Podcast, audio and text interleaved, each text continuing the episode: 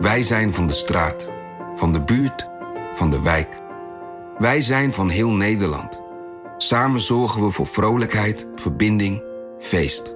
Samen brengen we in één jaar tijd 349 miljoen euro bij elkaar. Miljoenen waarmee onze goede doelenpartners de wereld groener, gezonder en rechtvaardiger kunnen maken. Nationale Postcode Loterij. Samen voor een betere wereld. Artificial intelligence verlegt ondernemersgrenzen. Maar hoe werkt dat voor u? Als transformatiepartner helpt Capgemini u kansen te ontdekken en benutten, zodat we uw ideeën tot leven brengen. Vorm uw eigen mogelijkheden met generative AI. Ontdek meer op capgemini.nl/slash AI. Capgemini. Get the future you want. Dit is Haagse Zaken van NRC. Mijn naam is Lemja Aharouai.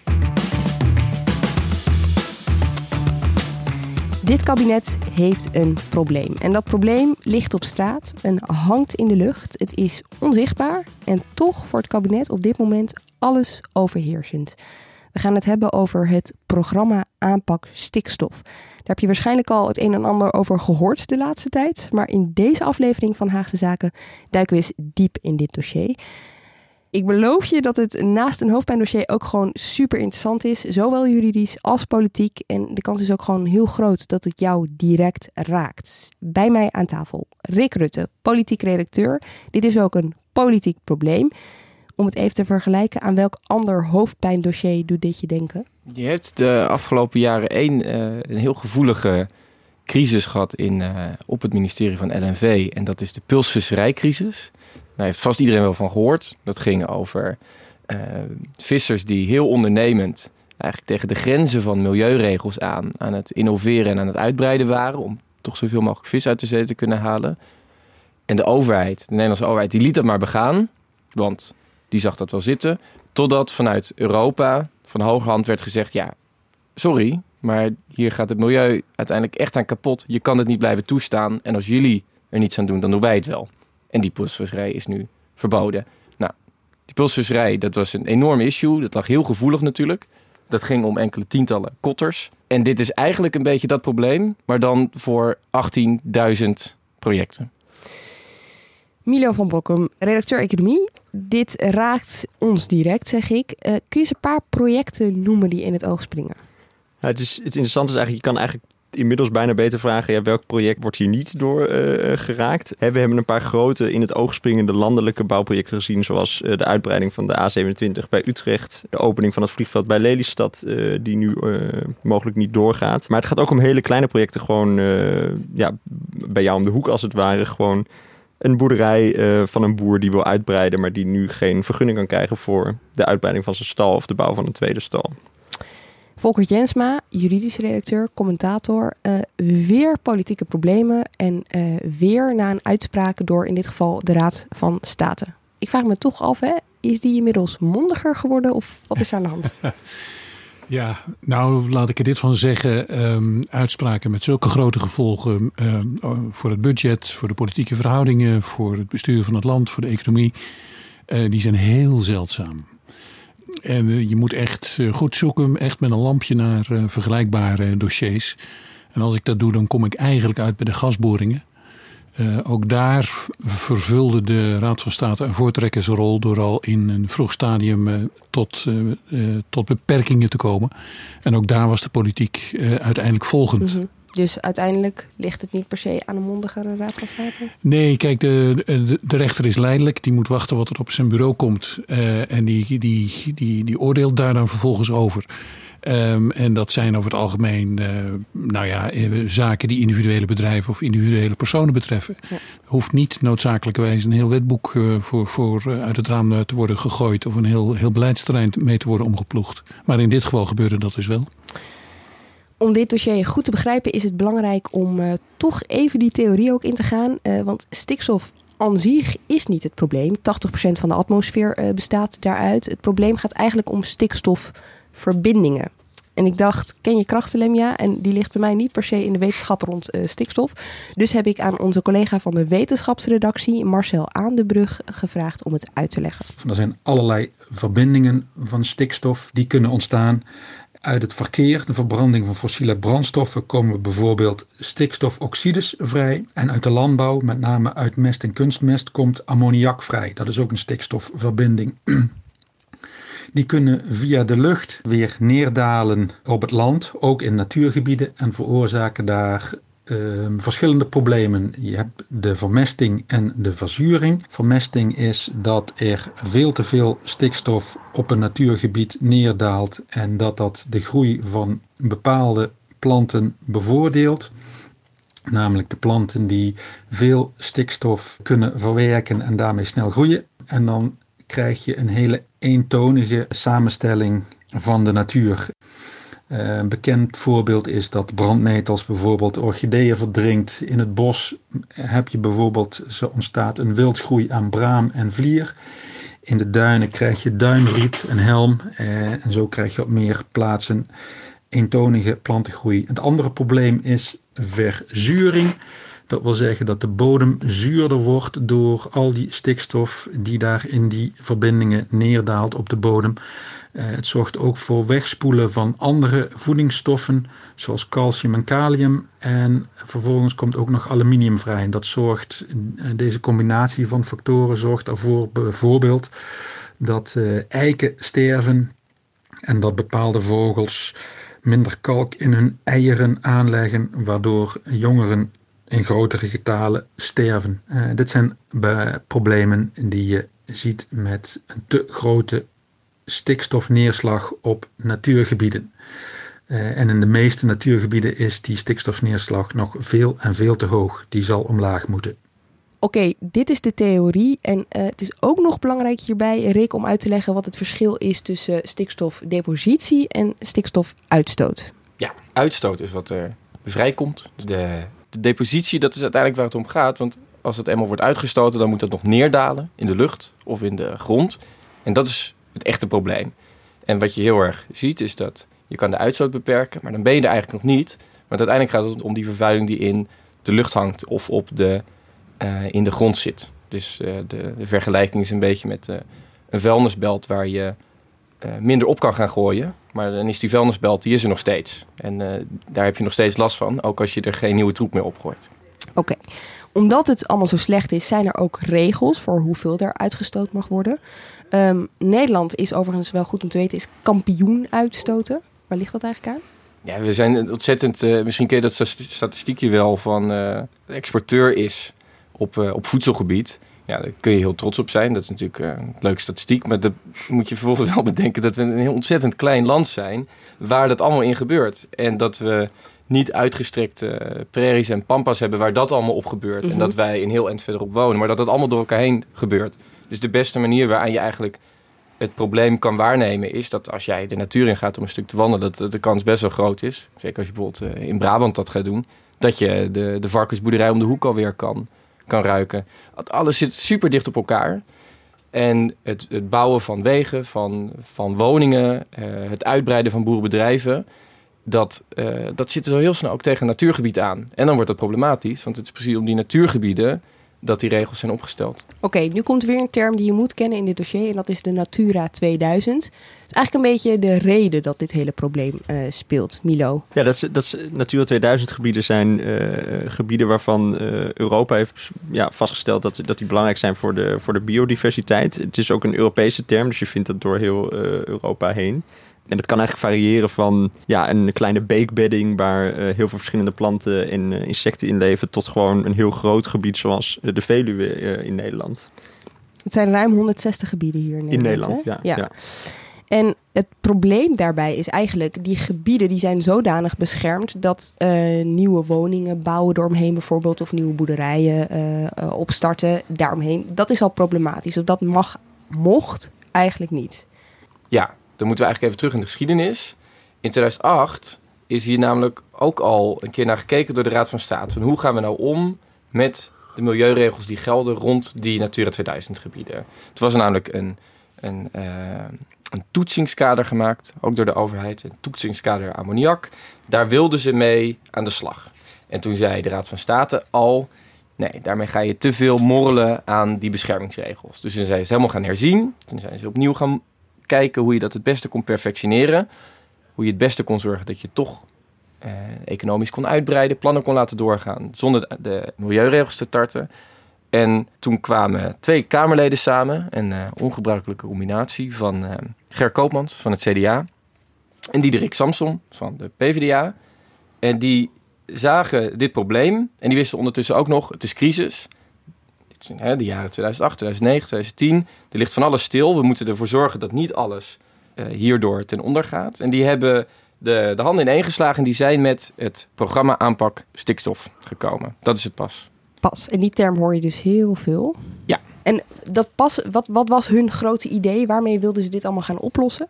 De kern van de pas is eigenlijk heel simpel. Dat is dat je uh, zegt, je mag bouwen, wegen, een stal, uh, woningen, noem maar op. In de buurt van zo'n Natura 2000 gebied. En dan hoef je dat niet meteen te compenseren, zoals tot dan toe de regel was.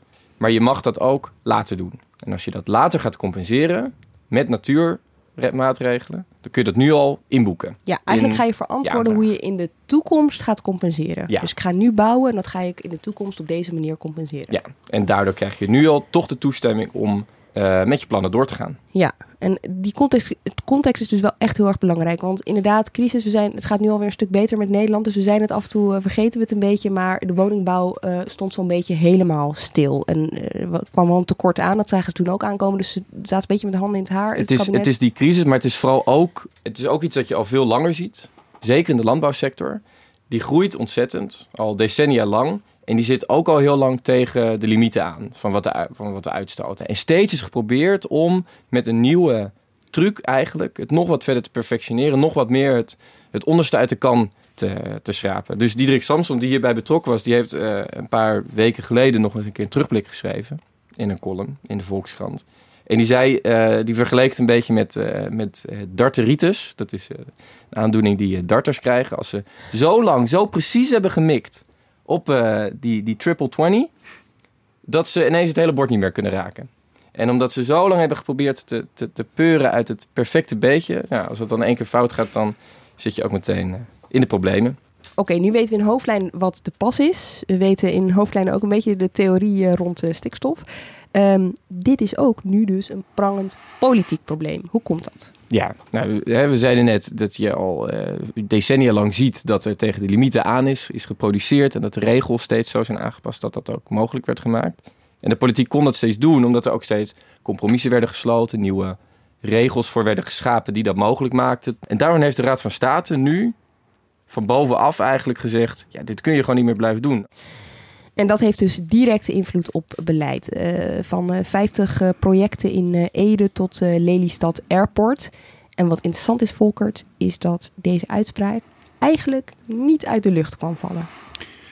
nee, ehm, dit was het slotstuk van een lange procedure. We hebben in het land een actieve milieubeweging die alle stukken meeleest en die dit pasprogramma natuurlijk op een kilometer afstand al had zien aankomen. En die gaan in bezwaar. Uh, in dit geval was dat de werkgroep Behoud de Peel tegen de provincie Noord-Brabant. Uh, die provincie had aan vier varkensboeren een, uh, een stikstofvergunning verleend op basis van pas. En deze groep heeft daar dus bezwaar tegen gemaakt en die heeft een aantal bezwaren aangevoerd. Onder meer gezegd dat deze Nederlandse regel niet in overeenstemming is met de habitatregel. dat is Europese wetgeving. En daar een, een hele argumentatie op gebouwd. En nou, daar was de Raad van State zat daar, uh, ja, ik wil niet zeggen meer in zijn maag, maar vond het wel ingewikkeld. En de Raad van State is in dit, uh, in dit opzicht dus onze hoogste rechter. Mm -hmm. Dus eerst had al de bestuursrechter in Brabant er iets van gevonden. Daarna kom je dan bij de Raad van State. En de Raad van State dacht van we gaan het maar eens navragen in Luxemburg hoe het echt zit. Bij het Hof. Bij het Hof. En daar werden een aantal vragen gesteld. Daar kwam vervolgens een advies op, eerst van advocaat-generaal. En uh, die was al heel negatief. Die zei van nee, deze Nederlandse pasregels, die, uh, ja, die, kunnen, wij, die kunnen we niet goedkeuren. Dit, dit, dit, dit, dit is niet in overeenstemming met ehm, de milieuregels zoals we die overal in Europa hebben. Nederland verleent zichzelf hier bepaalde gunsten. Dit gaat zo niet. Eh, Welk jaar spreken we dan? Mm, dan zijn we in, eens even kijken, 2017, 2018. Nee, 2018 denk ik. Nou, het Hof heeft nog een poosje nagedacht en vervolgens een uitspraak gedaan. En toen wist men in bestuurlijk en landbouwend en vervoerend Nederland eigenlijk al dat het de verkeerde kant op zou gaan. Ja, en die uitspraak van het Hof was dus november 2018. Ja, ja. en daarna werd het mei 2019. En toen bleek dus de Raad van State inderdaad het, eh, nou, het bindende advies van Luxemburg te hebben gevolgd en eh, te hebben geoordeeld dat we met pas niet niet vooruit kunnen. Dat vind ik dus nog wel een eh, interessant mechanisme. Dus op het moment dat de Raad van State het Hof om advies vraagt en ze krijgen dat advies, dan is dat meteen bindend. Ja, anders dan, ja, zeker. Anders hoef je het niet te doen. Ja, precies. Het is, uh, het is niet. Uh, ja, oké.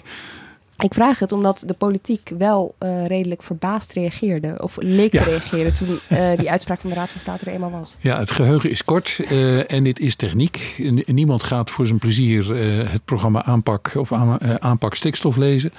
Het is hoogst gecompliceerde materie. Um, er is destijds bij het advies over de pas ook al gezegd: jongens, dit is te gecompliceerd.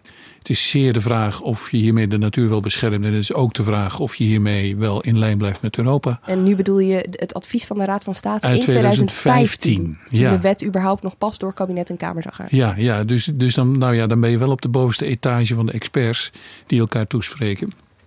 Uh, dus dat de politiek dat niet zag aankomen. Trouwens, de media zagen het ook niet aankomen. Uh, en, en, toen het gebeurde, dachten we met z'n allen van... nou ja, dit gaat over varkensboeren en ergens anders over. Uh, dat bleek dus niet zo te zijn. Dit, dit is echt een grensverleggende uitspraak. Het is echt een, een, een, zeer zware beperking voor de economische activiteit in de buurt van die, nou, hoeveel natuurgebieden hebben we het over? 160, 166 of daaromtrent. Dus dit gaat over heel Nederland. De vorige keer dat we hier uh, zaten, ja. uh, dat was in uh, aflevering 7 van seizoen 3 voor de oplettende luisteraar. Ja, je kunt staat, je staat nog levendig voor de geest. Oktober 2018. toen ging het over de Urgenda-zaak. Ja. Op de een of andere manier doet dit me daar een beetje aan denken. Want toen was het ook, goh, de rechter overruled uiteindelijk de politiek, terwijl de politiek al ergens mee bezig is. Ja, um, er is één verschil. De Raad van State is de hoogste bestuursrechter. Uh, dit gaat over bestuur, bestuursrecht, omgevingsrecht, infrastructuur, ja, de verhouding tussen bedrijven, burgers en overheden. Dat is toch wat anders. de agendazaak speelde voor de civiele rechter. dat is een totaal andere wereld. maar je hebt gelijk, het zijn allebei vergaande uitspraken op het, nou ja, op het snijvlak van milieu en economie, die, waarin de rechter een hele duidelijke uitspraak doet. Ik heb mezelf ook de vraag gesteld: moet ik hier nou een trend in zien? Mijn enige conclusie is, ja, dit is het thema van deze tijd. Dit, dit gaat over, uh, over de klimaatverandering. Heel veel mensen zijn hier heel erg bezorgd over. Dus dan krijg je conflicten van een bepaald gewicht. En de politiek worstelt er enorm mee. Die is toch aan een soort inhaalslag bezig. Um, en, en wat doet de burger of wat doen de bedrijven dan? Ja, die gaan dan toch naar de rechter. En dan kan de rechter niet anders dan er iets van vinden. En dan krijg je dus dit. Uh, dan breekt de rechter het ijs of die, die, die zet stappen. Dan reageert de politiek verschrikt, moet inhalen, moet, zich, ja, moet, moet weer tot de orde komen en zich afvragen: wat gaan we inderdaad. Ja, we moeten natuurlijk mee, maar hoe, hoe gaan we dat plooien? Want democratie is natuurlijk toch het verenigen. Het, het, uh, het, het ja, met elkaar in overeenstemming brengen van verschillende belangen. En zo'n rechter, ja, die zet een, een, een handtekening en die gaat weer naar huis. Ja. Uh, de politiek uh, moet verder. En in dat, in dat stadium zijn we nu. Ja, want voor wie zich afvraagt, uh, dus dit gaat van bestuursrechter naar Raad van State ja. naar Hof. Is er nog een stap? Het antwoord daarop is nee. Hè? Het pas nee. is echt gewoon voorbij. Het is over en uit. Dit ja. is de hoogste rechter. De politiek heeft hier een voldongen feit op schoot gekregen. Uh, en moet nu iets anders verzinnen. Wat ik nog wel interessant vind is, we hadden het net eventjes over het begin van deze zaak. Dat begon dus eigenlijk bij vier varkensboeren. Ja. Uh, kun je iets meer vertellen over de man die dit, uh, die dit begon? Ja, die heet uh, Valentijn Wusten. En dat is een hele geëngageerde milieu-idealist, een omgevingsjurist. Hij houdt zich dus bezig met infrastructuur, met vergunningen. treedt al enige decennia op voor milieugroeperingen. en heeft, ja, je kan toch wel zeggen, hiermee de zaak van zijn loopbaan uh, gescoord. Um, een, een, een enorm succes. Want een heel stuk belangrijke wetgeving is hiermee onderuit gegaan. Ja. hij heeft de landsadvocaat verslagen. Heeft een aantal ministeries een, nou ja, een blauw oog gemapt. En, en, en, mag wel worden, uh, ja, mag toch wel de held van de milieubeweging worden genoemd. Ja, en hij zal dus met grote glimlach hebben geluisterd toen de Raad van State uiteindelijk met deze uitspraak kwam. De Raad van State heeft beslist dat het programma aanpak stikstof niet de basis kan zijn voor het verlenen van toestemming voor activiteiten die extra stikstof veroorzaken. Programma aanpak stikstof maakt het namelijk mogelijk dat al direct toestemming wordt gegeven voor ontwikkelingen met gevolgen voor de natuur. Terwijl aan de andere kant vooruit wordt gelopen op verwachte positieve gevolgen van maatregelen die juist ten gunste zijn van die natuur. En dat mag niet. Want de Europese wetgeving voor de natuur maakt duidelijk dat je vooraf zekerheid moet hebben dat die maatregelen ook echt die gunstige effecten voor de natuur zullen hebben. Weet je wat mij opviel uh, uh, trouwens, Volker, toen ik hiernaar ging luisteren? Ik ging er echt voor zitten. Ik dacht, nou nu komt er toch uh, ambtelijke taal over me heen. Ik zal er de dikke van Dalen naast moeten houden. Maar dit is eigenlijk heel begrijpelijk. Ja.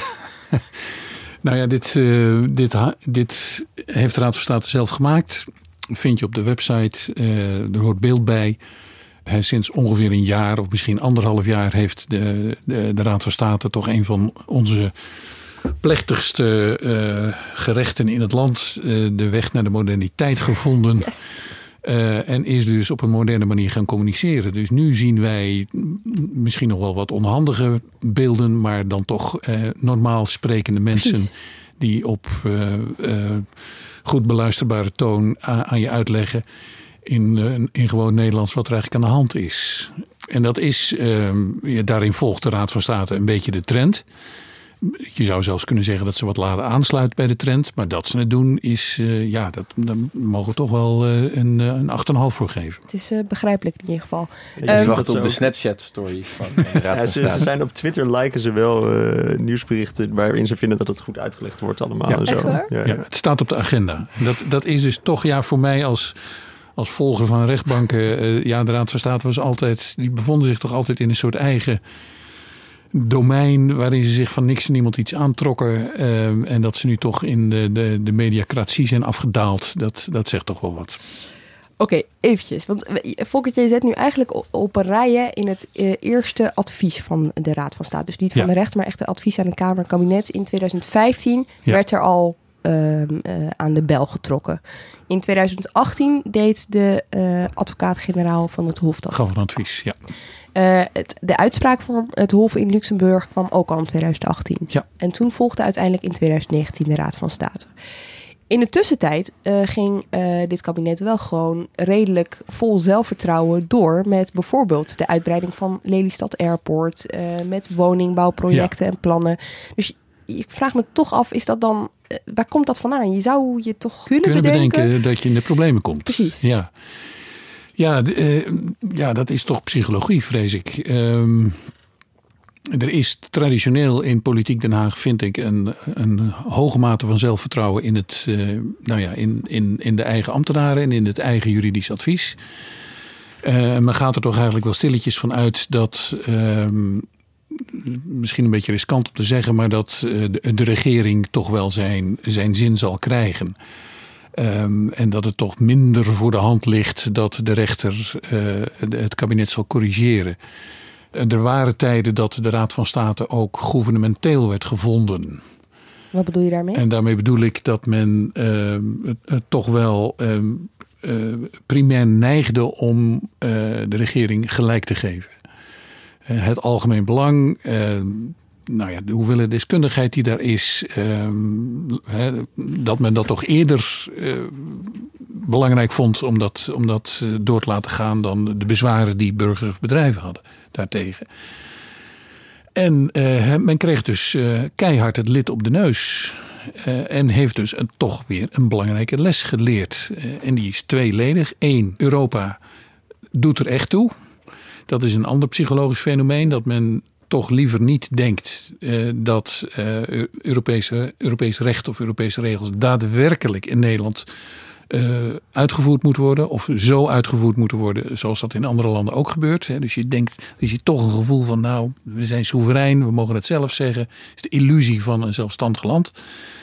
Nou ja, uh, heel veel regels die, uh, ja, dat, daar zit het dan toch anders mee. En dan moet er dan toch iemand komen met, met de levertranen om te zeggen van ja, het zit, we hebben nu helemaal afgesproken dat we dat overal hetzelfde doen dat we alle natuurgebieden in Europa op dezelfde manier beschermen. En dat we niet in één land, dat dan toevallig wat kleiner is, de economie een, een, een, een wit voetje geven. Nou, dat is een tegenvaller. Dat is met de pulsvissers is dat een tegenvaller. En dat is nu met stikstof is dat een tegenvaller. Uh, en die gaan er misschien nog wel meer komen. Uiteindelijk komt het er dus op neer dat dat zelfvertrouwen uh, misplaatst was, kun je wel zeggen. Want er is een streep door de pas. Er is een streep doorgezet en Brussel is dichterbij dan je denkt. En Luxemburg is nog dichterbij dan je denkt. Milo, wat betekent dit nou eigenlijk in de praktijk? Want het gaat, uh, kwamen wij uh, al researchend achter om nogal wat projecten. In heel Nederland dreigen meer dan 200 projecten in gevaar te komen door de uitspraak van de Raad van State. De stikstofuitspraak van de Raad van State komt als een sloopkogel de bouwsector in. Dat Lelystad Airport in april 2020 niet open gaat. De bouw van windmolenparken, het bouwen van industrieterreinen. Bouwplannen voor de Floriade. Aanleg van wegen. Dijkverzwaringen. De uitbreiding van de Efteling. Voor werkgelegenheid, het oplossen van de files, de bouw van een vliegveld, onze boerenbedrijven, natuur en dierenwelzijn. Zelfs de Efteling. Ja. Overigens horen we hier 200 projecten. Dat zijn er dus inmiddels 18.000. Ja, dat zijn er veel meer. En dat komt vooral, dat is wel even goed om erbij te zeggen, omdat die 200 nog heel erg ging om de grote rijksprojecten. En we nu veel beter ook weten wat daaronder allemaal speelt. Al die projecten die in de gemeente en de provincie worden vergund. Ja, en je kunt wel heel goed kijken aan het feit dat, dat zij zeggen 200 projecten. Daar kun je wel heel goed aan aflezen dat toen een beetje begon duidelijk te worden. Ja, dat pas wel degelijk veel invloed had. Dat iedereen wist, oké, dit wordt belangrijk, maar niemand wist eigenlijk hoe belangrijk dit precies ging worden en hoeveel projecten dit nou eigenlijk om ging. je zag um, de eerste grote schok eigenlijk was het feit dat de A27 bij uh, Utrecht, bij Amelisweert, niet verbreed uh, mocht worden. Het was een discussie die al, ja, volgens mij meer dan een decennium al speelde. Uh, heel veel om te doen geweest om het natuurgebied daar. En van de ene op de andere dag is daar opeens een conclusie over. En toen begon Nederland wel door te krijgen: oké, dit dit, wel, dit gaat wel veel invloed hebben. En uh, nu zie je dat langzamerhand steeds meer doorcijpelt dat het echt om veel meer gaat dan 200 projecten. Nou ja, 18.000 dus. En het is heel leuk om uh, regionale media af te struinen. Ja. En dan, kom je, dan zie je dus ja, elke gemeente die langzamerhand uh, lijsten publiceert van wat er allemaal uh, niet door kan gaan. Of in ieder geval op pauze is gezet. En wat dan heel erg opvalt, wat wel interessant is, dat je ziet dat vaak de meest pittoreske plekken die worden het hardst geraakt. Dat is oh. natuurlijk logisch, omdat ja, we hebben het hier over hoe dicht je bij de natuur bent uh, natuurlijk. En uh, de eerste grote woonwijk die, uh, die niet uh, gebouwd mocht worden, dat ging om een wijk aan de zuidkant van Roermond, vlakbij een nationaal park, de Mijnweg. het is ook interessant om bijvoorbeeld de gemeente Ede als een soort voorbeeld te nemen. Inderdaad, heel pittoreske gemeente. Ja, dus misschien wel, misschien wel de meest bosrijke gemeente van, van Nederland. Hele grote gemeente op de Veluwe nou ja, daar, daar, zijn 50 projecten uh, door de gemeente op, uh, op pauze gezet. En ja, dat betreft, ja, dat is heel groot en heel klein. Het gaat bijvoorbeeld om de bouw. Ze wilden daar een groot voedseltechnologie, innovatie, research centrum bouwen. Dat, dat gaat voorlopig niet door. En tegelijkertijd heb je ook iets wat kleiners, zoals het nieuwe buurthuis van Otterlo. Wat op dit moment ook niet gebouwd mag worden. Ja, maar het heeft dus wel echt impact. Ik bedoel, zo'n buurthuis is rot voor zo'n buurt natuurlijk. Maar zo'n uh, voedsel, innovatie, huppeldepup ding...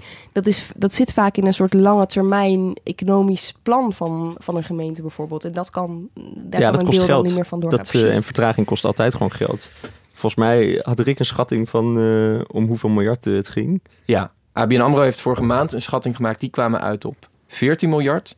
En dat we nu die 18.000 projecten kennen, dat hebben we te danken aan uh, het interprovinciaal overleg.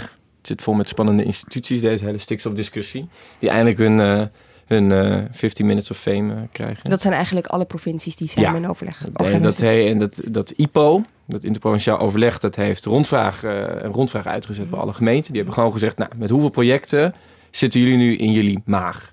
Een van de, de beruchtere voorbeelden, dat zijn de projecten die staan gepland voor de energietransitie. Dus er zijn windmolens en er zijn zonneparken gepland. En eh, die zijn uiteindelijk, daar zijn we het wel over eens, die zijn goed voor het klimaat. En eh, die gaan ervoor zorgen dat er minder stikstof wordt uitgestoten. Want je kan daar veel meer vervuilende bronnen mee vervangen. Maar als jij een windmolen wil bouwen of je een zonnepark aanleggen, dan heb je vrachtwagens nodig. Daar komt stikstof bij vrij. En omdat de Raad van State nu eigenlijk heeft gezegd dat hele stelsel dat deugde niet, moet zelfs voor zo'n project moet nu opnieuw gekeken worden hoeveel stikstof er dan vrijkomt. Hoe dat precies in zijn werk gaat. En dus eigenlijk hè, het, eh, het rekenmachientje moet Ja. opnieuw worden ingesteld. De vergunning moet opnieuw worden bekeken. En dan weten we binnenkort van, nou, wat gaat het nou betekenen? Hoeveel projecten gaan er echt niet door? En waar kunnen ze compenseren? En waar gaat er echt een streep doorheen? Milo? Wat overigens nog wel interessant is eh, vanuit economische invalshoek, is dat, eh, kijk, er is één grote overeenkomst eigenlijk in, in, in al die stikstofprojecten. En dat is dat het gaat om bouw. Eh, en als jij een bouwbedrijf bent, dan zie je dit toch ook wel met enige spanning eh, tegemoet allemaal. Nou ja, als je een bouwbedrijf bent, als je een boerderij hebt, hè, je hebt vee. Ik bedoel, het raakt eigenlijk aan een heleboel ondernemers. Ja, niet elke veehouder wil natuurlijk uitbreiden, Ja. maar ehm, in, de, in de provincie Overijssel ging het volgens mij om 185 eh, agrarische vergunningsprocedures die zijn stopgezet. Ja, kun, je, kun je eens iets meer vertellen over dat? Hè? Want het gaat dus inderdaad eh, om stopzetten. Het gaat om on hold zetten. Ehm, waar zijn die gemeenten nu mee bezig? Ja, ze wachten op, eh, op het advies van, van commissie Remkes. Die is aan het kijken van ja, hoe moeten we hier nou omgaan als overheid? Op welk niveau dan ook. Dat zou eigenlijk op half september komen. Dat wordt nu waarschijnlijk na Prinsjesdag. En ehm, ze zijn, wat Rick net zei, ze zijn opnieuw ook aan het rekenen aan de stikstofuitstoot van precieze projecten. Want het punt is dat, kijk, je kon met het pas altijd gewoon vrij makkelijk die projecten starten zonder dat je echt heel veel rekening hoeft te houden met hoeveel stikstof, stikstof er nu precies bij vrijkwam. En dat moet, nu, eh, dat moet je nu opnieuw eh, berekenen. En je ziet dat de gemeente Ede dus ook zegt, ja, van die 50 projecten die wij nu even gepauzeerd hebben, zijn er een x-aantal, volgens mij iets van 10, waarvan ze zeggen, ja, nou, de kans is best wel groot dat het gewoon doorgaat. Mhm. Eh, en er zijn vier projecten waarvan ze al hebben gezegd, ja, dit gaat ons sowieso gewoon niet meer lukken, want er gaat zoveel stikstof bij vrijkomen, dat het, eh, ja, dat het voorlopig gewoon kansloos is. Wat ook nog wel eh, opvallend is, is dat, of ironisch zou je kunnen zeggen, is dat de Raad van State zich door deze uitspraak eigenlijk ook heel veel werk op de hals heeft gehaald. Hè? Nou, alsof ze al niet genoeg te doen hebben. Ehm, die, ehm, die uitspraak eh, waar we het nu steeds over hebben, die, eh, dat was eigenlijk een beetje een prop in de leiding. Ehm, er zaten in totaal 180 procedures achter, die allemaal wachten op wat er in deze zaak met die vier Brabantse boeren, wat daaruit zou komen. En die, eh, nou, die uitspraak is nu gedaan en nu werkt de Raad van State dus successievelijk die, die voorraad van 180 zaken af.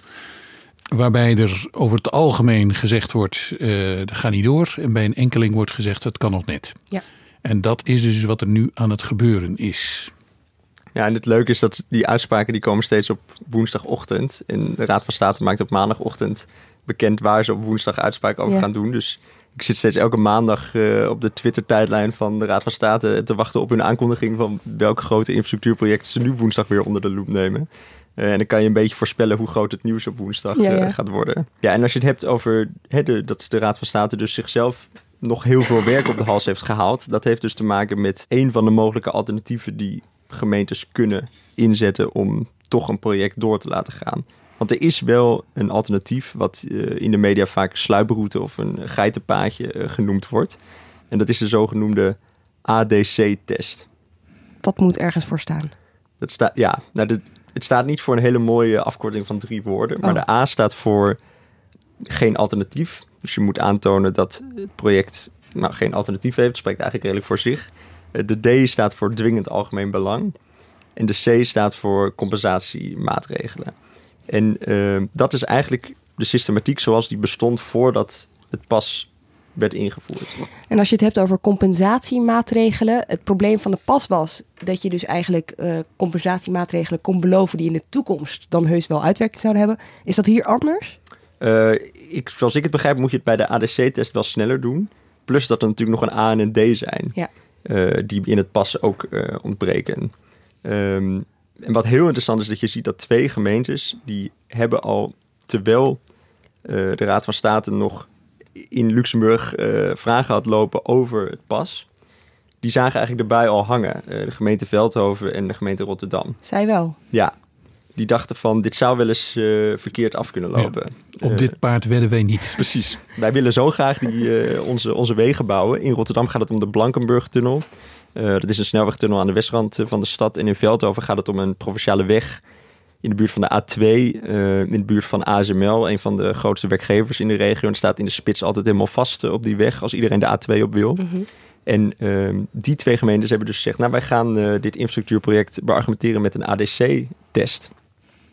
En dat is in beide gevallen gelukt. En Veldhoven heeft dus overtuigend beargumenteerd dat er geen alternatief was voor die weg en dat het heel belangrijk was voor de gemeente. En ze moesten dus ook een stukje natuur uh, compenseren. Het ging echt maar om een heel klein stukje, volgens mij was het maar een paar uh, tennisvelden. Uh, maar ze hebben uiteindelijk veel meer gecompenseerd, iets van twee voetbalvelden of zo. En uh, daarom mocht het dus van de Raad van State doorgaan. En even voor de duidelijkheid, compenseren, wat betekent dat dan? Ja, dat, je, dat is dat je dus bijvoorbeeld boerenland verandert in natuurland.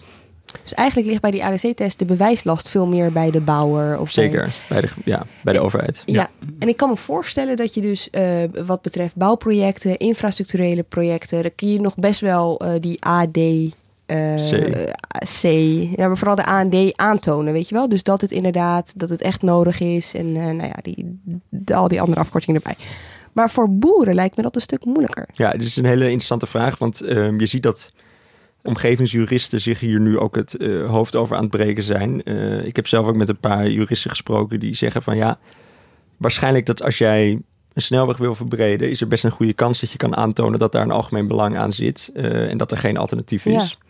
Als jij energietransitie wil uitvoeren door windmolens te bouwen, dan is de kans ook wel groot dat dat wel lukt met zo'n ADC-test. Maar voor een extra varkenstal? Voor een extra varkenstal, uh, ja, waarom moet die precies hier? Uh, waarom is dat op dit moment nodig? Dat begint toch wel erg lastig, zo niet onmogelijk te worden. Het gaat toch vaak over een commercieel belang.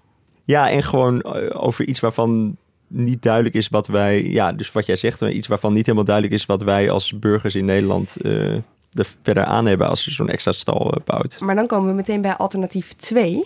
En dat is saldering. Ja, dat, ja saldering is uh, een woord wat je niet zo vaak hoort. Als ik het hoor, moet ik eigenlijk vooral steeds gewoon denken aan het woord compenseren. Ja. Um, kijk, je kunt op twee manieren salderen, intern en extern. En intern is eigenlijk heel simpel. Um, dat is dat jij ervoor zorgt dat het project wat jij wil gaan uitvoeren minder stikstof uitstoot. Ja, je kunt dus, stel dat je wil een, um, je boerenbedrijf uitbreiden, maar je hebt al een stal die best wel veel stikstof uitstoot.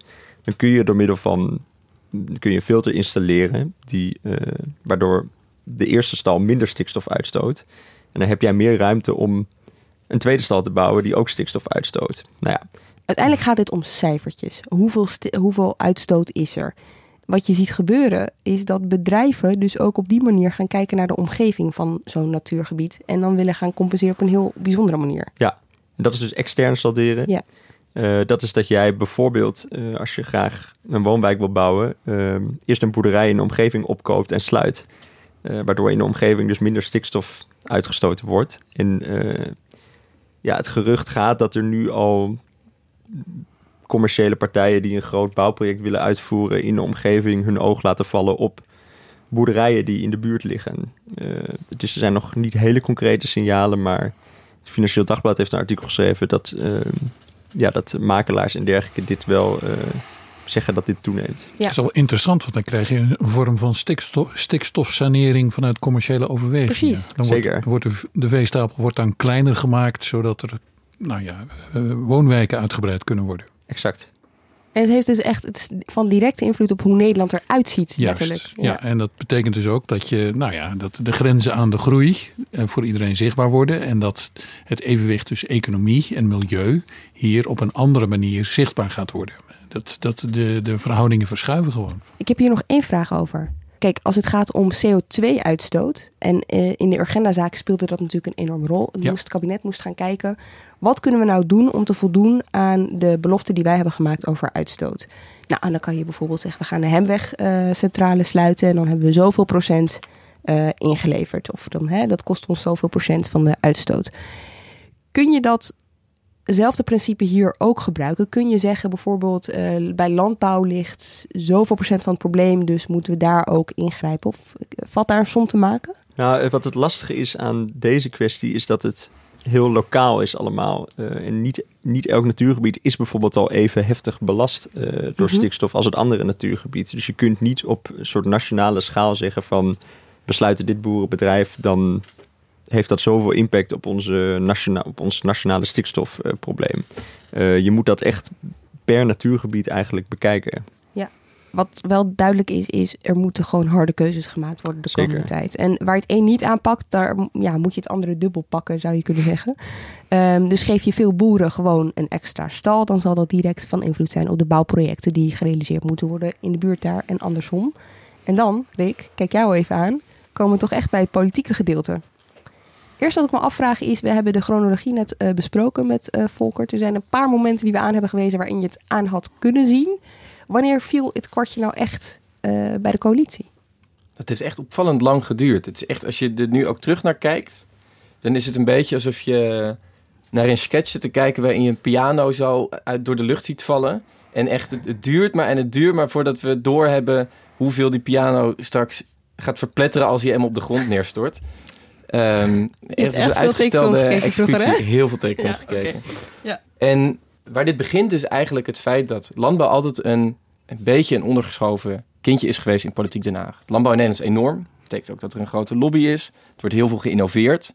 En heel veel van die, die boeren die zijn dus ook continu uh, aan het innoveren. Omdat ze het idee hebben dat ze anders weggeconcurreerd worden. Of uh, omdat ze zich gedwongen voelen om op te schalen en nog groter te worden bijvoorbeeld. Nou, wat betekent dat? Dat je eigenlijk al decennia lang ziet dat er heel veel druk zit op die sector en dat die aan alle kanten tegen de limieten aan zit. Dus dat betekent bijvoorbeeld dat we uh, nu met stikstof in de problemen uh, komen. Dat we dat ook al heel lang hebben gehad met uh, de melkproductie. We hebben problemen gehad met de mestproductie, met fosfaat. En politiek gebeurde dan eigenlijk steeds hetzelfde, tot nu toe. En dat is dat er aan de bel wordt getrokken en dat vervolgens politiek Den Haag een beetje de schouders ophaalt. En uh, zeg, lossen jullie het maar op. Of we bedenken er wel weer uh, een nieuw trucje voor, zodat de landbouw het nog wat langer kan, uh, kan uitzingen. Als jij minister bent op landbouw, dan heb je ook geen zin om die hele gigantische, uit de kluiten gewassen landbouwsector in je eentje even terug te dringen nadat er decennia na decennia aan is, aan is gepast en gemeten om dat zo mhm. perfect mogelijk te maken. Nou, tot nu. Dat is nu dus echt compleet anders. En waarom komt dat? omdat er veel meer sectoren zijn die stikstof uitstoten. En toen dat begon door te dringen tot de coalitie, toen werd ineens duidelijk, wacht. Tot nu toe kon je zeggen, we hebben een probleem in de landbouw, we bedenken er wat op en dan doen we iets anders. En nu was de repliek, oké, als je nu niet iets aan de landbouw wil doen, dan moet je stoppen met wegen bouwen. Dan moet je een streep zetten door al die woningen die je langs natuurgebieden had willen bouwen. Dus ineens werd duidelijk dat de afwegingen die eigenlijk gemaakt werden op landbouw enorme consequenties zouden gaan hebben voor al die andere ministeries. En al die andere portefeuillehouders kwamen er ook bij. Veelzeggend voorbeeld is, die uitspraak door de Raad van State is gedaan eind mei. Begin juni had uh, de Landbouwcommissie daar een, uh, een uh, infosessie over. Dat doen ze dan. Hè. Dan komen ze samen als, als Tweede Kamercommissie om, om zichzelf te informeren. En daar waren ook de commissieleden van, van de thema's infrastructuur en binnenlandse zaken voor uitgenodigd. Nou, die landbouwkamerleden die kwamen netjes opdraven. En bij Binnenlandse Zaken en bij infrastructuur zagen ze het belang niet. Die bleven weg. Die hadden toen nog niet door hoe groot het was. Je zag hetzelfde bij de ministeries. Het kwam langs in de ministerraad. En vooral bij landbouw hadden het al snel door. Maar pas ergens halverwege juni werd duidelijk... Oh, wacht, het gaat om veel meer projecten, misschien wel honderden. Wat ik wel interessant vind, hè, want ik zag, uh, ik heb ja, het een stuk geschreven op de voorpagina over de, ja, de, de tweesplitsing in de coalitie. Dat je hebt dus enerzijds ChristenUnie en D66 die wel wat meer voelen voor het aanpakken van, uh, van die veestapel. En anderzijds CDA en VVD die daar wat terughoudender in zijn. Dat vond ik heel interessant. Toen dacht ik, nu komt het helemaal los. En daarna heb ik er eigenlijk helemaal niks meer over gehoord. Speelt dat niet meer? Of... Nou, die, die, die spanning bestaat nog steeds natuurlijk. En... Uh die komt eigenlijk, dat is goed om even uit, uit te leggen. Dat, het is een soort vierkantje bijna. Als je kijkt, en dan hebben we de grote onderwerpen, dat zijn eigenlijk uh, landbouw en infrastructuur. Dat zijn de meest gevoelige. En dan zie je dat uh, het CDA vooral heel veel voelt voor de landbouwsector. Van een partij, veel boeren in de achterban, komt op voor die sector. En die vindt het dus lastig om daaraan te morrelen. Dan hebben we de VVD en die vindt vooral dat thema vervoer, infrastructuur heel moeilijk. Zeker met een eigen minister op die post, Cora van Nieuwenhuizen. Die wil het niet zien gebeuren dat ze straks uh, Lelystad Airport dan maar moet annuleren. En aan de andere kant zie je de ChristenUnie D66, waarbij de ChristenUnie uh, best wel een agrarische achterban heeft, maar niet zo sterk daarin staat als het CDA. En uh, wel heel veel gevoelens heeft tegen de bouw van Lelystad Airport. Zit in het regeerakkoord. Maar er wonen heel veel stemmers op de ChristenUnie, precies onder de aanvliegroute van Lelystad Airport. Dus die hebben zich er eigenlijk al bij neergelegd dat als dat er niet gaat komen, kunnen ze best mee leven. En dan heb je nog D66. Uh, heeft het minste verliezen, kun je zeggen. Best wel een stadspartij bijvoorbeeld. En uh, geen minister die Lelystad Airport moet uitleggen. En daar hebben ze niet superveel belang bij. Maar bij D66 zie je ook heel erg het belang van personen. Tjeer de Groot is daar de, de woordvoerder, uh, het Kamerlid dat het woord voert over landbouw. Die komt uit de landbouw, die komt uit de zuivelindustrie. En die heeft echt een hart voor de sector en die is ontzettend revolutionair. Dus de, de Willy Wortel van, van de coalitie uh, noemde een ander Kamerlid hem al een keer. En die komt dus met zulke grote ideeën om juist die hele sector aan te passen. Die ziet dit bijna als, uh, ja, als de grote kans om, om het aan te pakken. En die spanning die zie je dus steeds binnen de coalitie bestaan. Dat zag je even voor de, het reces tot uitbarsting komen, dat toen het eerste grote debat was over dit onderwerp. Ja, daarna hebben we eigenlijk een hele rustige zomer gehad, waarbij vooral de ambtenaren hard aan het doorwerken waren. Maar die spanning die bestaat natuurlijk nog steeds, want die keuzes die gaan over de achterban, die gaan over de visies van partijen op landbouw, op infrastructuur, op wonen. Uh, ministers die eraan te pas komen. Dus die spanning, die, die is nog bepaald niet weg. Je noemt dat debat, dat was op 20 juni, uh, vlak voor het uh, zomerreces. Het ging over de uitspraak van de Raad van State over die pasregeling. We gaan eerst luisteren naar uh, Jacco Geurt van het CDA. Die heeft wat vragen aan de aanwezige ministers. Op de korte termijn zijn de gevolgen groot. Heel veel activiteiten en bedrijven staan zo op slot. Kan de minister van Infrastructuur en Waterstaat aangeven om hoeveel infrastructurele projecten van het Rijk het gaat en de minister van Binnenlandse Zaken om hoeveel woningbouwprojecten? En hoeveel tijd is er nodig om voor deze projecten alsnog ADC-toetsen voor te bereiden? Vraag ik aan de bewindslieden. En als de weg van de ADC-toetsen begaan wordt, hoe pakt dit dan uit voor het midden- en kleinbedrijf?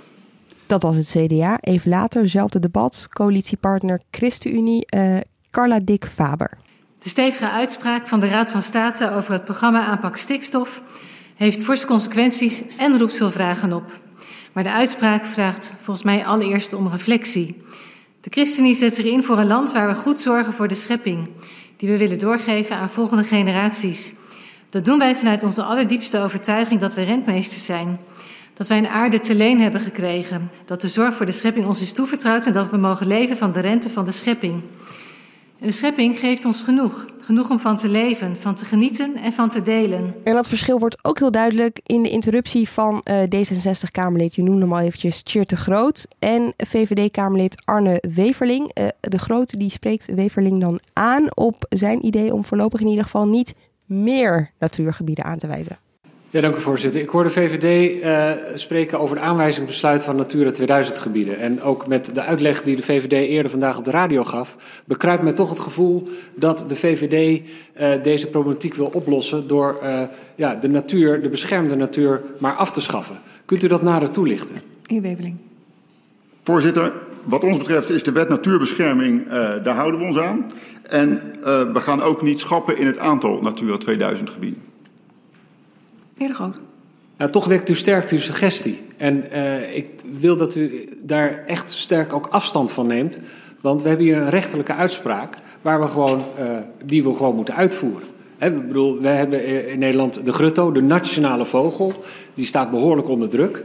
En uh, het lijkt mij geen goede zaak om te zeggen... nou, als hij uitgestorven is, hoeven we hem ook niet meer te beschermen. Wordt hier wat gelachen? Dat is natuurlijk wel de ultieme oplossing. ja. Er valt weinig te redden als je gewoon de hele natuur ontkent. Maar goed, dit, dit toont dus wel een beetje aan hoe de kaarten, hoe de kaarten liggen nu. Ja, ik, als ik uh, er wat over mag zeggen, mij valt op. Dit is natuurlijk alweer van een tijdje geleden, maar uh, deze spin uh, is, is doorgegaan. En je hoort nu VNO-NCW zeggen dat we eigenlijk toch wat veel natuurgebieden in het land hebben.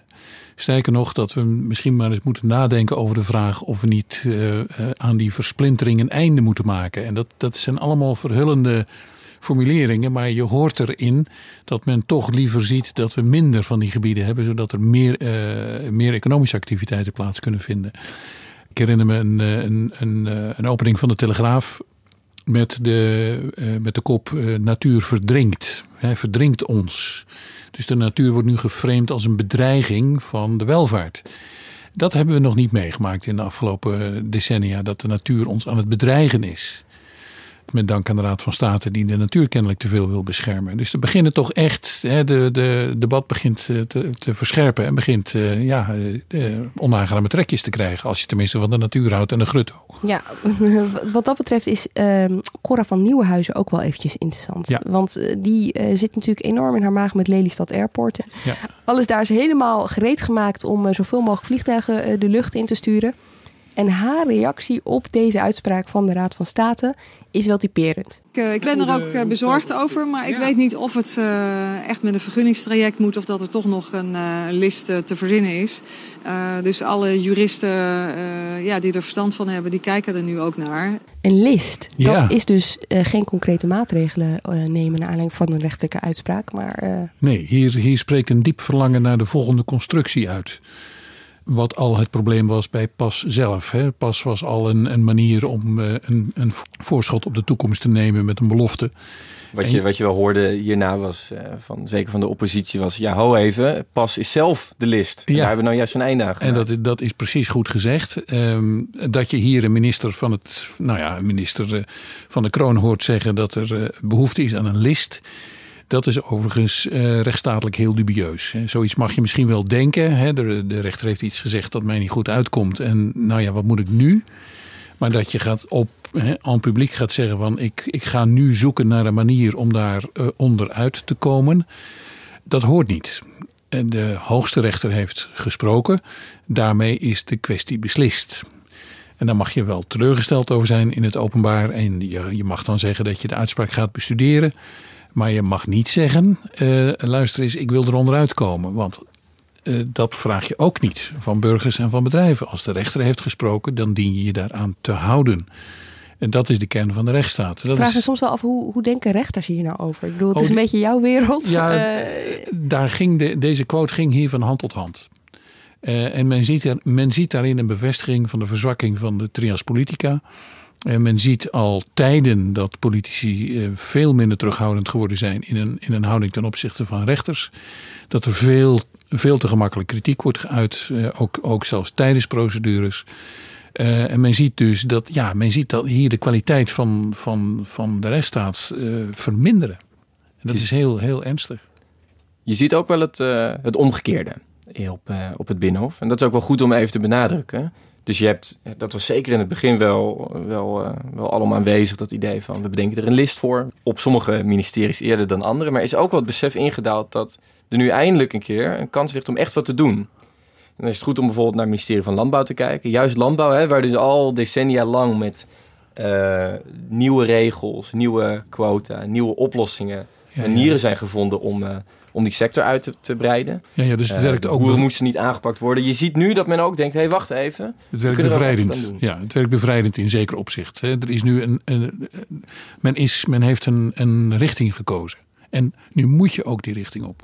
Ja, en dan is bijvoorbeeld wel veelzeggend dat, uh, dat zelfs het CDA, en dat uh, worden dat Jacco Geurts net al even in dat debat, hij was degene die, uh, die vervolgens vroeg om een, een commissie. De commissie Remkes is dat geworden. En hij gaf toen al aan dat die commissie eigenlijk geen taboes moest hebben. Nou, als je er vervolgens stil bij staat wat het grote taboe is. Landbouw. Landbouw en dan vooral uh, de veestapel Ja. verkleinen.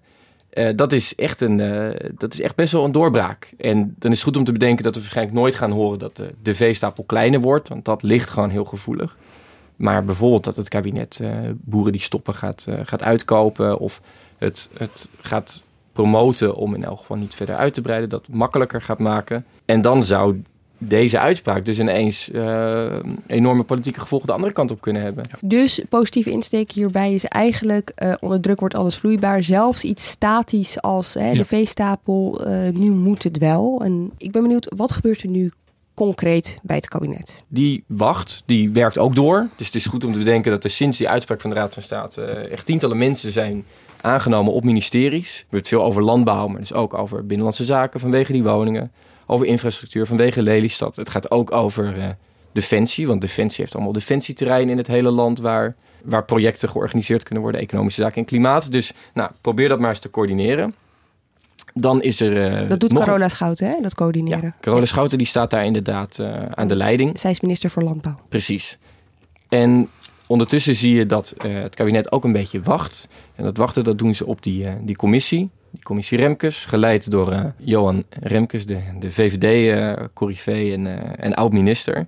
Die zijn deze zomer aan de slag gegaan met een analyse. Die proberen ze in kaart te brengen hoe groot nou die problemen zijn. En die komen met twee adviezen. Het eerste advies dat moet eigenlijk zo snel mogelijk zijn. Dat hadden ze aan het eind van de zomer willen hebben. Dat wordt nu na Prinsjesdag. En daarin staat een eerste overzicht en een eerste serie oplossingen. En gaan zij zich ook uiten over, want wat ik echt fascinerend vind aan dit hele dossier is, we hebben een uh, klimaatprobleem tegelijkertijd, heeft dit kabinet geconstateerd. Dus die zijn ook nog eens met een klimaatakkoord gekomen. Daarin staat onder andere windmolens bouwen. Windmolens bouwen, dat kan ineens niet meer nu deze uh, pas, uh, nu de streep is gegaan door pas. Dus het raakt aan ander uh, kabinetsbeleid. Zitten daar ook, en woningbouw is daar ook een goed voorbeeld van. Hè? We hebben een enorm woningtekort. Onze minister van Binnenlandse Zaken komt met plannen om de woningmarkt uh, weer een duwtje te geven. Maar ja, tegelijkertijd staan al die bouwprojecten onder druk. Dus dat spanningsveld, zit, gaat Remke zich daar ook over uiten? Nou, nu waarschijnlijk wel over bijvoorbeeld die, die klimaataanpak. Woningen, uh, of wegen waar ze misschien wel een algemeen belang voor denken te vinden, die gaan het wel wat moeilijker krijgen. Want alleen al was maar omdat die stikstofuitstoot vaak veel groter is. En daar gaat de commissie Remkes mee door. Dus dat eerste advies dat moet er heel snel zijn. Dat volgende advies dat komt er echt pas over een jaar. Daar gaan ze niet op wachten in de coalitie. Uh, daar gaan ze echt al wel op vooruit lopen door onderling uit te ruilen. Door te bedenken waar ze, welke offers ze kunnen maken en waar ze echt dingen willen gaan hervormen. En waar ze misschien toch nog erop mikken dat ze, dat ze er wel uitkomen. Want je moet je ook bedenken dat als dat rapport van de commissie Remkes er dan is, dat is een jaar van nu. Uh, en over een jaar, dan zitten we toch wel aan het begin van een, uh, een verkiezingsstrijd. En dat is niet het moment daarop je, waarop je als coalitie met elkaar de uh, ja, in, de, ja. in de keuken wil liggen. Ja. Ja, maar ook voor politieke partijen dus onderling. Hè? Als de, de VVD moet gaan verantwoorden waarom er geen uh, extra snelwegen komen, verbredingen of... Uh, ja, dan ga je het op je hele campagne over weinig Precies. anders kunnen hebben dan uh, waarom je nou net je eigen boerenachterban overhoop aan het halen bent. Milo, wat ik ook nog wel weten is, dit zijn allemaal maatregelen om de stikstofuitstoot niet te verhogen. Maar ik vertelde al helemaal aan het begin, wij zijn kampioen, Europa overigens, in het uitstoten van stikstof. Al deze maatregelen, die helpen dat niet te verlagen of zo. Het is gewoon, we blijven wel op hetzelfde niveau.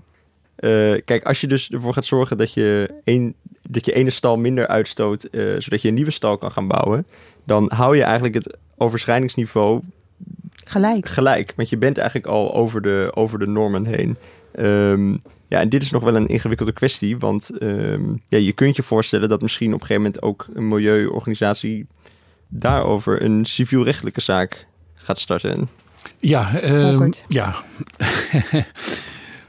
dit wordt heel interessant. Uh, althans, uh, voor, voor juristen die beginnen hier echt handenwrijvend naar, te, naar te kijken. Want wat we nu gedaan hebben, dat is uitbreidingen voorkomen. Mm -hmm. Uh, ontwikkelingen voorkomen. Maar we blijven dus met de huidige onwenselijke situatie, die ervoor gezorgd heeft dat we in Europa de stikstof vuilnisbelt uh, van, van, nou ja, van dit werelddeel geworden zijn. Uh, de milieubeweging en de geëngageerde burgers en natuurbeschermers willen dat toch terug zien te dringen. Nou, hoe doe je dat? Nou, daar opent zich de Urgenda-route. Je kan natuurlijk naar de civiele rechter. Uh, en met de meest eenvoudige aanpak die er is, namelijk onrechtmatige daad tegen de dichtstbijzijnde varkensvleesboeren zeggen: Heren, dames, u uh, richt schade aan. Dankzij u is dit, groeit er in dit natuurgebied alleen nog maar brandnetels. En dat doet u weliswaar op basis van een vergunning die u al heeft, maar uw handel is onrechtmatig en u richt schade aan en die schade moet u compenseren. Uh, of u moet die schade vergoeden, uh, of u moet ermee ophouden die schade te maken. Dus u moet sluiten. er is reden voor mensen die zo'n vergunning hebben, zo'n stikstofvergunning, om daar toch een beetje bang voor te zijn. Ik heb in het Juristenblad een interessant artikeltje opgevist van een oud rechter. Uh, die zei: luister eens, we moeten nog eens eventjes het Kalimijnenarrest opslaan. Vertel. En nu gaan we naar, terug een aantal decennia. Toen de tuinders in het Westland ontzettende last hadden van het zoute water dat in de Rijn stroomde. Uh, zodat ze niet meer hun gewassen konden bevloeien. En het water was zout als gevolg van lozingen door mijnen in Frankrijk. En het, uh, die begonnen het proces. Dus die uh, haalden de Franse mijnen naar de Rotterdamse rechtbank en die zeiden: ja, ophouden of betalen. een van beide, zegt u het maar. En het verweer van die mijnen was: ja, maar wij hebben een milieuvergunning. Wij bevinden ons in een domein waar wij zo mogen handelen, dus er is niets aan de hand. En die redenering is in Nederland door de hoogste rechter verworpen. Die heeft gezegd: ook al heeft u een vergunning, als u schade aanricht, moet u ermee ophouden. En dat is gebeurd, met als gevolg dat de Rijn nu niet meer zout is. En wat voor de, voor de tuinders in het Westland gold, die daarmee dus een, een overwinning boekte, geldt dus ook voor de natuurbeschermers van de Peel. U moet ophouden met te veel stikstof produceren. Uh, en zo niet, dan, ja, dan moet u eigenlijk sluiten. Uh, linksom of rechtsom, als je schade aanricht, zelfs als je dat doet op basis van een vergunning die je ooit is verleend, zelfs door de overheid, kan het zo zijn uh, dat het belang van degene die wordt geschaad groter is dan het belang van degene die die vergunning heeft gekregen. En dan zit je dus wel in, in, in ander vaarwater. Maar dan heb je dus wel, hè, à la Urgenda, een groep nodig met uithoudingsvermogen, een grote oorlogskas en een paar stevige advocaten. Die die zaak dus hard gaat maken en die ervoor gaat zorgen dat de bestaande stikstofuitstoot ophoudt. Dank jullie wel. Volker Jensma, Rick Rutte en Milo van Bokkum. Dank ook voor het luisteren. Deze aflevering is geproduceerd door Iris Verhulstonk. Volgende week dan zijn we er gewoon weer. En uh, tot die tijd zou ik zeggen, deel ons zoveel mogelijk. Abonneer je ook op ons uh, kanaal. Dan weet je ons weer te vinden komende zaterdag. Tot dan!